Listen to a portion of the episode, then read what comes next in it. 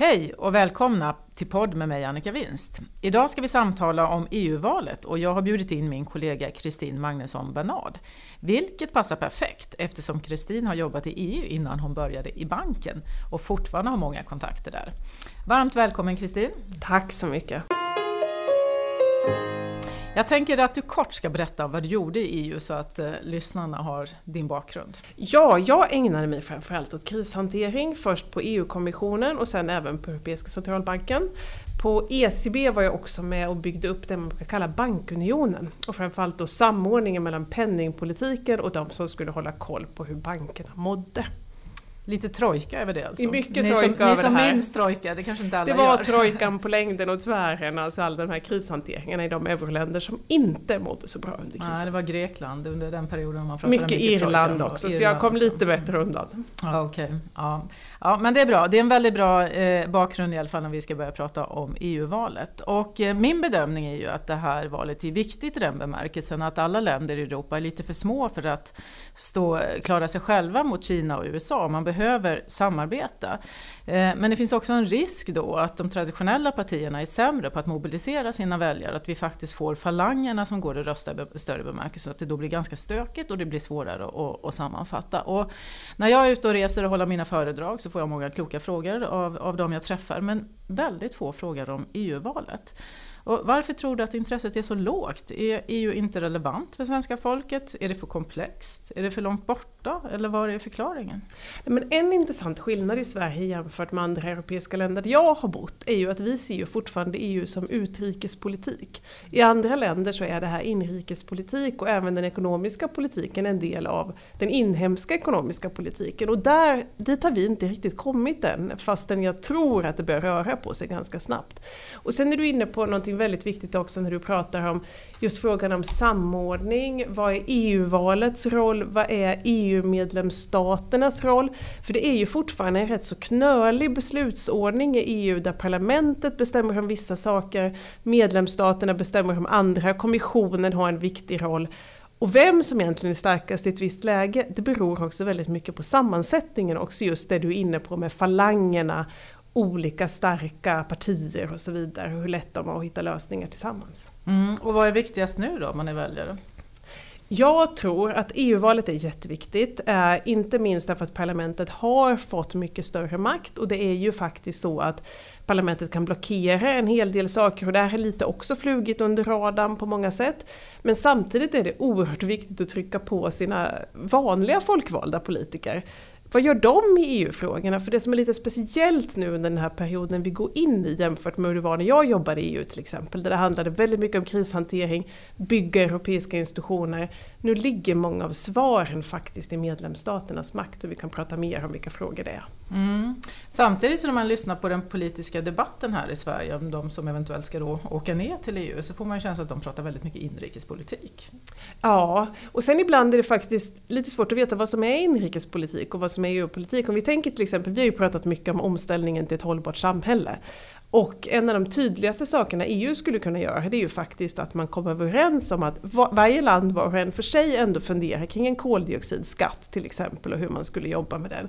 Det är ju varje land som bestämmer för sig, det här är ingenting man gör på EU-nivå, men man får ju en helt annan effekt om man lyckas samordna sig och komma överens om att vi gör det här var och en för sig men samtidigt jämfört med om ett litet land gör det ur en inrikespolitisk vinkel. Nej, just den frågan är ju en global fråga. Det räcker Ja. inte ens att EU gör det. Nej. Men det är ju förstås mycket bättre om EU gör Ja. det tillsammans så att man har en gemensam eh, syn där. Ja, men om man tar de ekonomiska frågorna då, vad skulle du då säga? Vilka är de viktiga frågorna för EU framöver? Vi kan ta först kort sikt och sen på lite längre sikt. Ja, på kort sikt så handlar det rätt mycket om att försöka komma någon vart med de utmaningar som finns kvar efter krisen. Det är fortfarande banksystem som inte är starka. Det är en jättestor fråga hur konjunkturstabiliseringen skulle se ut om vi gick in i en värre avmattning än vad du och jag tror.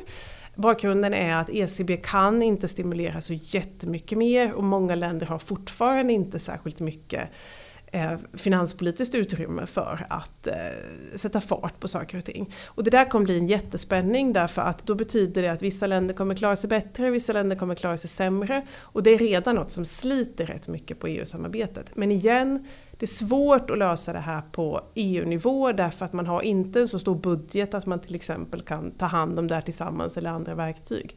Så det handlar väldigt mycket om enskilda länder just i det kortsiktiga. Mm. Eh, om man då tar på lite längre sikt? På lite längre sikt är det som är speciellt nu att EU-länderna och EMU-länderna faktiskt står inför samma utmaningar. För nu har vi ju haft en period där det har fokuserats väldigt mycket på att bygga ett starkare EMU då med banktillsyn och räddningsmekanismer och det ena med det andra. Men det som är de stora sakerna, vi pratade just om miljö, men till exempel produktivitet, hur vi ska lyckas få till en digitalisering och automatisering som hjälper till med demografiska utmaningar och svag produktivitet. De utmaningarna delar alla. Mm. Eh, är du optimistisk då? Du har pratat om banksystemet och krishantering både när du pratar om kort sikt och på lång sikt. Om man inte har löst det redan nu, är du optimistisk då om att man lyckas hantera det de kommande åren? Nej, jag är inte jätteoptimistisk men samtidigt tänker jag på att de utmaningar vi står inför är faktiskt större än den krishantering jag höll på med och då hoppas jag någonstans att utmaningarnas storlek gör att man kanske... Du tänker på hållbarhet? Jag tänker exempel. på hållbarhet, jag tänker på demografin, jag mm. tänker på yttre inre säkerhet och framför allt just hur man drar någon slags nytta av digitalisering och automatisering så inte det här blir någonting som, som ytterligare då drar isär ekonomier. Och det där är så stora frågor så där hoppas jag någonstans att man mm. hittar ett samarbete. Mm. Eh, ibland kan jag få en känsla av att man är lite tondöv inom EU för att man kör på oss utan att riktigt reflektera över vad människor funderar över eller väljarna funderar vad som är centralt och, och viktigt för dem. Men vad kan den ekonomiska politiken komma att betyda efter valet? En stor sak som kommer hända är ju att vid ett eller annat tillfälle kommer Storbritannien lämna EU. Mm. mm. Och även om Storbritannien kommer delta i det här valet så är förväntan att de lämnar under mandatperioden. Är du orolig för att de kommer rösta fram individer som vill splittra EU för att man är besviken eller kommer de att göra kloka Ja, beslut? men de dyker upp i grupperingar i parlamentet där de antagligen inte får så stort inflytande. Vi kan komma till det sen. Mm. Men det som händer är att de har varit en stor bidragsgivare till budgeten, till exempel som Sverige. Och det där försvinner nu och det gör förstås att det blir, det blir mer ont om pengarna i ett läge där också vissa länder kommer att anstränga ekonomier. Samtidigt som man har ett gyllene tillfälle att faktiskt omförhandla budgeten, till, använda den till det vi tycker är viktigt. För det är fortfarande mycket jordbruksstöd, det går rätt mycket stöd till regioner och länder som just nu inte bryr sig så jättemycket om rättsstat och mänskliga rättigheter och så vidare. Och där kan man ju, finns ju ett gyllene tillfälle att faktiskt tänka om. Och det vi tycker är viktigt är handel och öppenhet? Ja, eller? och produktivitetshöjande åtgärder och en klassisk svensk fråga nästan oavsett vilket parti man kommer från är ju också att medlen ska användas på ett sätt så att man faktiskt kan upp, följa upp och utvärdera att det här är bra mm, mm. projekt. Eh, apropå Storbritannien så hör jag ganska ofta när jag pratar med folk som är insatta i de här frågorna att eh, utan, utan Storbritannien så är vi blinda vad gäller säkerhetspolitiska frågor. Och när man pratar med företagsledare så ligger det ju ofta på topp tre om de ska prata om risker. Hur ser du på det? Nej, men jag håller med, väldigt mycket av EUs försvar är Storbritannien.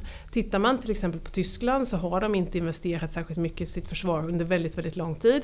Här är ju faktiskt ett område där man kan förstå lite av frustrationen från amerikanerna som har genom NATO skött rätt mycket av Europas yttre säkerhet och det här tror jag kommer bli en stor, stor fråga under nästa mandatperiod. Frankrike ser lite bättre ut än, än, än Tyskland men det är klart, utan Storbritannien försvinner mycket säkerhetskapacitet. Mm. Och vad ska Sverige göra i, i, den miljön? Man lutar sig ändå mot EU eller vad är... Jag tror det kommer bli en stor fråga också hur mycket vi ska investera i det här. Mm. Jag tror det kommer bli en jättefråga hur hittar vi samarbetslösningar? Redan nu ser vi ju mycket mer svenskt samarbete med NATO till exempel. Det kommer säkert fortsätta och eh, mycket beror ju förstås också på vad grannen i öster hittar på, hur mycket Putin skramlar med vapnen. Men det är klart att det är ett hot. Mm. Men om man tar respektive land då så är det ganska olika hur det ser ut i Europa nu. Vi har ju Macron som till exempel har drivit att man ska ha en tajtare kärna. De länder som vill ska vara i tajtare samarbete och sen kan andra länder vara i cirklar runt den här kärnan och samarbeta lite mindre. Samtidigt så håller ju Merkel på att fasas ut och eh, man får en ny efterträdare, Annegret Kramp-Karrenbauer. Och hon var ju väldigt tydlig med att hon direkt sa att nationen kommer före eurosamarbetet. Eh, och det antar jag att hon säger för att hon ska lugna oroliga tyskar för att de ska slippa stå för notan. Och det är ju inte riktigt sant eftersom de har gynnats av euron. Men det är ändå en signal till den, till den inhemska befolkningen. Och då har vi de två stora som har två olika eh, linjer helt enkelt. Och sen har vi då Italien som är, är väldigt stökigt. Eh, kommer man kunna få ihop någon eh, europeisk strategi här eller kommer var och en backa tillbaks och bli lite mer nationella ett tag? Jag tror vi kommer bli lite mer nationella ett tag. Jag tror att vi kommer se mindre av fördjupning av eurosamarbetet till exempel. Det beror också på att de frågor som finns kvar är ganska svårlösta och parterna står så långt ifrån varandra. De är också, om man ska vara helt ärliga, lite äpplen och päron jämfört med de här bristerna som man var tvungna att åtgärda inom, inom euron. Så att det som händer nu är ju också att Sverige har ingått i ett nytt samarbete som man inte hör så jättemycket om i Sverige, nämligen den nya Hansan eh, som är tillsammans då med bland annat Irland, Nederländerna, de baltiska staterna, Danmark. Mycket här, efter att Storbritannien lämnade? Mycket eller? efter att Storbritannien lämnade och man insåg att här fanns det så att säga en grupp länder som stod för rätt mycket av det Storbritannien gjorde, budgetrestriktivitet, ett väldigt svårt ord, eh, frihandel, en tro på att marknader fixar vissa saker men inte allt, men definitivt en mer marknadsvänlig vy än en del kontinentaleuropeiska länder. Och det här är ju någonting som i det tysta backas upp jättemycket av Tyskland och vilket har börjat ändra maktbalansen rätt mycket inom EU. Det är ju alltid lite ett mått på hur bra man lyckas eller lite hur lågt ens motståndare sänker sig för att få tyst på en. Och tittar man på vad den franska finansministern är ute och säger om den här alliansen till exempel så inser man att han är riktigt sur. Mm. Men är det inte lite så att vi har en ganska tydlig nord-syd-ställning om man får kategorisera lite grann? Det vill säga att eh, i nord så pratar man mer om de här handelsfrågorna och det som du precis har beskrivit medan man i syd har lite friare eh, syn på hur man ska använda och kanske också österut där man också är mer angelägen om att få bidrag och så vidare utan att vara med i den här öppna Ja, just vad gäller frihandel så är det definitivt en nord-sydlig dimension men sen finns det till exempel delar av Spanien som definitivt håller med om det och hänger med på det här. Vad gäller just det här budget och bidrag så är det lite mer otydligt och det är lite också typiskt för EU-samarbetet att inom den här handelsalliansen så finns ju fortfarande ganska nya medlemsstater som gärna tar emot bidrag och så finns det då, då Sverige, Danmark, Holland som brukar kalla sig snålast i EU med stolthet och det gör också att det är spänningar inom den gruppen också. De kommer inte komma överens om allt. Nej. Och vad tänker du om länderna som är österut och som har kommit in senare? Vad har de för roll att spela och kan spela i den verklighet vi har idag? Ja, de har både väldigt, väldigt positiva roller och en del utmaningar och de är inte heller särskilt eh, homogena som grupp. Tittar man på baltstaterna till exempel så är ju de kända för att ta sig igenom ungefär vilken kris som helst utan att darra på manschetten och där har ju de, de har ju nått otroligt långt i den digitala omställningen till exempel. Tittar man på Polen som är ett jätteviktigt land i EU-sammanhang för att de är så stora så tänker jag att Polen är nästan där det så att säga den stora slagfältet står nu mellan det här lag och ordning, respekt för rättsstaten. För där är man inne på att tumma på en del institutioner som man absolut inte ska och hur det går i Polen kommer bli jätteviktigt. För ja, det är politiskt väldigt eh, Exakt. känsligt vad ja. Polen gör idag ur Exakt. ett EU-samarbete. Går Polen åt rätt håll, ja, men då ser helt plötsligt eh, situationen för länderna utanför unionen som helhet mycket, mycket bättre ut. Mm.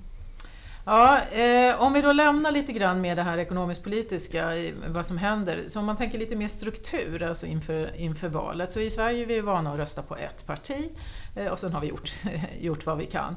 Men när man röstar i EU-valet så röstar man ju också på ett parti. Men sen grupperas partierna tillsammans med andra partier. Eh, och min känsla är att, att många inte är medvetna om det och har ganska liten kunskap. Vi pratar inte om det, skrivs inte särskilt mycket om det i media heller. Eh, behöver man ta hänsyn till det här? Behöver man förstå det? Behöver man rösta med taktik? Eller kan man göra som när man röstade i svenska riksdagsvalet? Gå på den person eller det parti man tycker är mest lämpligt? Ja, det beror också lite på hur mycket tid man tänker sig lägga ner. Men det som är speciellt som du säger är att det är block. Eh, av de svenska partierna är det faktiskt bara två som ingår i samma block och det är Moderaterna och Kristdemokraterna som båda ingår i det som är det konservativa blocket som är det största. Sen så har vi Socialdemokraterna i ett block och vi har, nej förlåt, vi har faktiskt Centern och Liberalerna i samma block också, det tredje största, men sen är de utspridda. Men det gör ju att till exempel i Sverige är vi väldigt vana vid en vänster-höger-uppdelning och, och borgerligheten till exempel, nu är det speciellt efter fyrpartiöverenskommelsen, men borgerligheten rymmer ju både mer konservativa och mer liberala krafter. De här skulle man hitta i olika partigrupperingar i EU-parlamentet och där kan det förstås vara viktigt att tänka till vilka frågor man tycker är särskilt viktigt att drivs. Samtidigt ska sägas... Är det utgångspunkten som är viktigast att ha? Vilka frågor är jag mest angelägen om eller är det snarare individen som du ser det? Ja, jag tror nog ändå man lite ska läsa på de här partigrupperingarna om man orkar. Och sen ska man också vara medveten om att traditionellt så är är det som är det konservativa blocket och det socialdemokratiska blocket, de brukar vara så stora att de i princip får egen majoritet och kan göra, komma överens om allting över blockgränserna. Så det, det är ju också att det finns en tradition av vänster-höger-uppgörelser i parlamentet. Tror du att det kommer vara så också efter valet med tanke på att det är eh, höger och vänsterfalanger som många pratar om kommer att växa sig stora och att eh, traditionella partier inte riktigt eh, lyckas hålla emot? Det ser fortfarande ut som att tillsammans med det liberala blocket, som faktiskt ser ut att växa, så kommer definitivt då de konservativa, Socialdemokraterna och Liberalerna få en egen majoritet. Men det är ju samtidigt en enorm spännvidd mellan de blocken, vad de vill och hur de ser på allting från vad ska medlemsstater göra, vad ska EU göra, ska man gå i mer liberal riktning på arbetsmarknaden eller vad det nu handlar om. Så att det är klart att jag tror att det är faktiskt lite otydligt vad man egentligen röstar på. Det är klart att det kan bidra till att människor ibland känner sig lite osäkra i det här. Mm. Sen är det också ganska många positioner som ska bytas ut inom EU, både politiskt men också i ECB som gör att det har betydelse för, för hur EU ser ut. Vill du kommentera det någonting? Ja, nu finns det en idé som man har tänkt att parlamentet ska få föra fram toppkandidater som då till exempel ska ersätta kommissionspresidenten. Nu verkar medlemsländerna hijacka det här systemet innan det egentligen någonsin har använts och skälet verkar dels vara att man gillar inte de här kandidaterna som förs fram. De ses inte som starka nog. Eller strängt taget ses till exempel den socialdemokratiska som stark men nu kan ju inte alla andra tänka sig att rösta på honom för att han råkar vara socialdemokrat och där blir det lite låst. Så där kan det mycket väl hända att medlemsstaterna tillsätter det här i alla fall. Angela Merkel pratade vi om, hon har precis dementerat och hon tänker inte ställa upp som kommissionspresident. Skulle hon ha gjort det så vore vi i en helt annan situation eftersom hon har en så otroligt stark position. Nu kan man tänka sig att det blir någon som blir helt okej, okay, men, men inte har en enorm politisk vikt och då hamnar vi igen tillbaka i att medlemsstaterna blir jätteviktiga. ECB-chefen blir framförallt jätteviktig i ett krisläge. Nu ska vi hoppas att vi inte hamnar i det. Men är det inte kris så är det faktiskt rätt många som är med och röstar om räntan, just ECBs råd. Mm.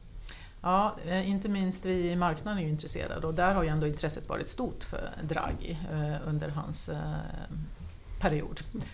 Eh, jag tror att vi har pratat om det mesta som, som jag hade tänkt. Är det något som du vill eh, tillägga?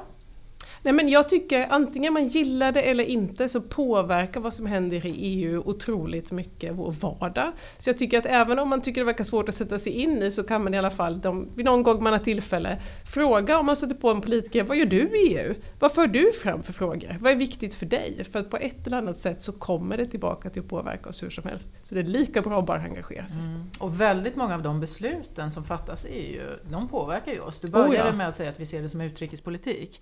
Men väldigt många beslut fattas ju faktiskt i EU som har betydelse för oss. Och det är också viktigt att komma ihåg, ibland kan man få känsla av att EU bara fattar lagar som skapar problem. Men det har ju också skapat väldigt många möjligheter och, och det är lätt att glömma bort eh, vad, vad, samarbetet över gränserna har gjort. Både vad gäller handel men också vad gäller studier och hur man får resa och så vidare. Så att vi kanske behöver påminna oss lite grann om det här. Och det finns ju mycket material om man googlar och vill, vill läsa på och jag vill säga samma sak. Det är oerhört viktigt att gå och rösta vänligen gör det. Det gör jag och Kristin i alla fall. Eh, stort tack för att ni har lyssnat och nästa gång så hoppas jag och tror att jag ska ha med mig min kollega Kristina Kruse och då ska vi prata om vad du som individ behöver göra för att vi ska klara att uppfylla klimatmålet med 2% grader. Hoppas ni lyssnar då. Tack och tack Kristin. Tack.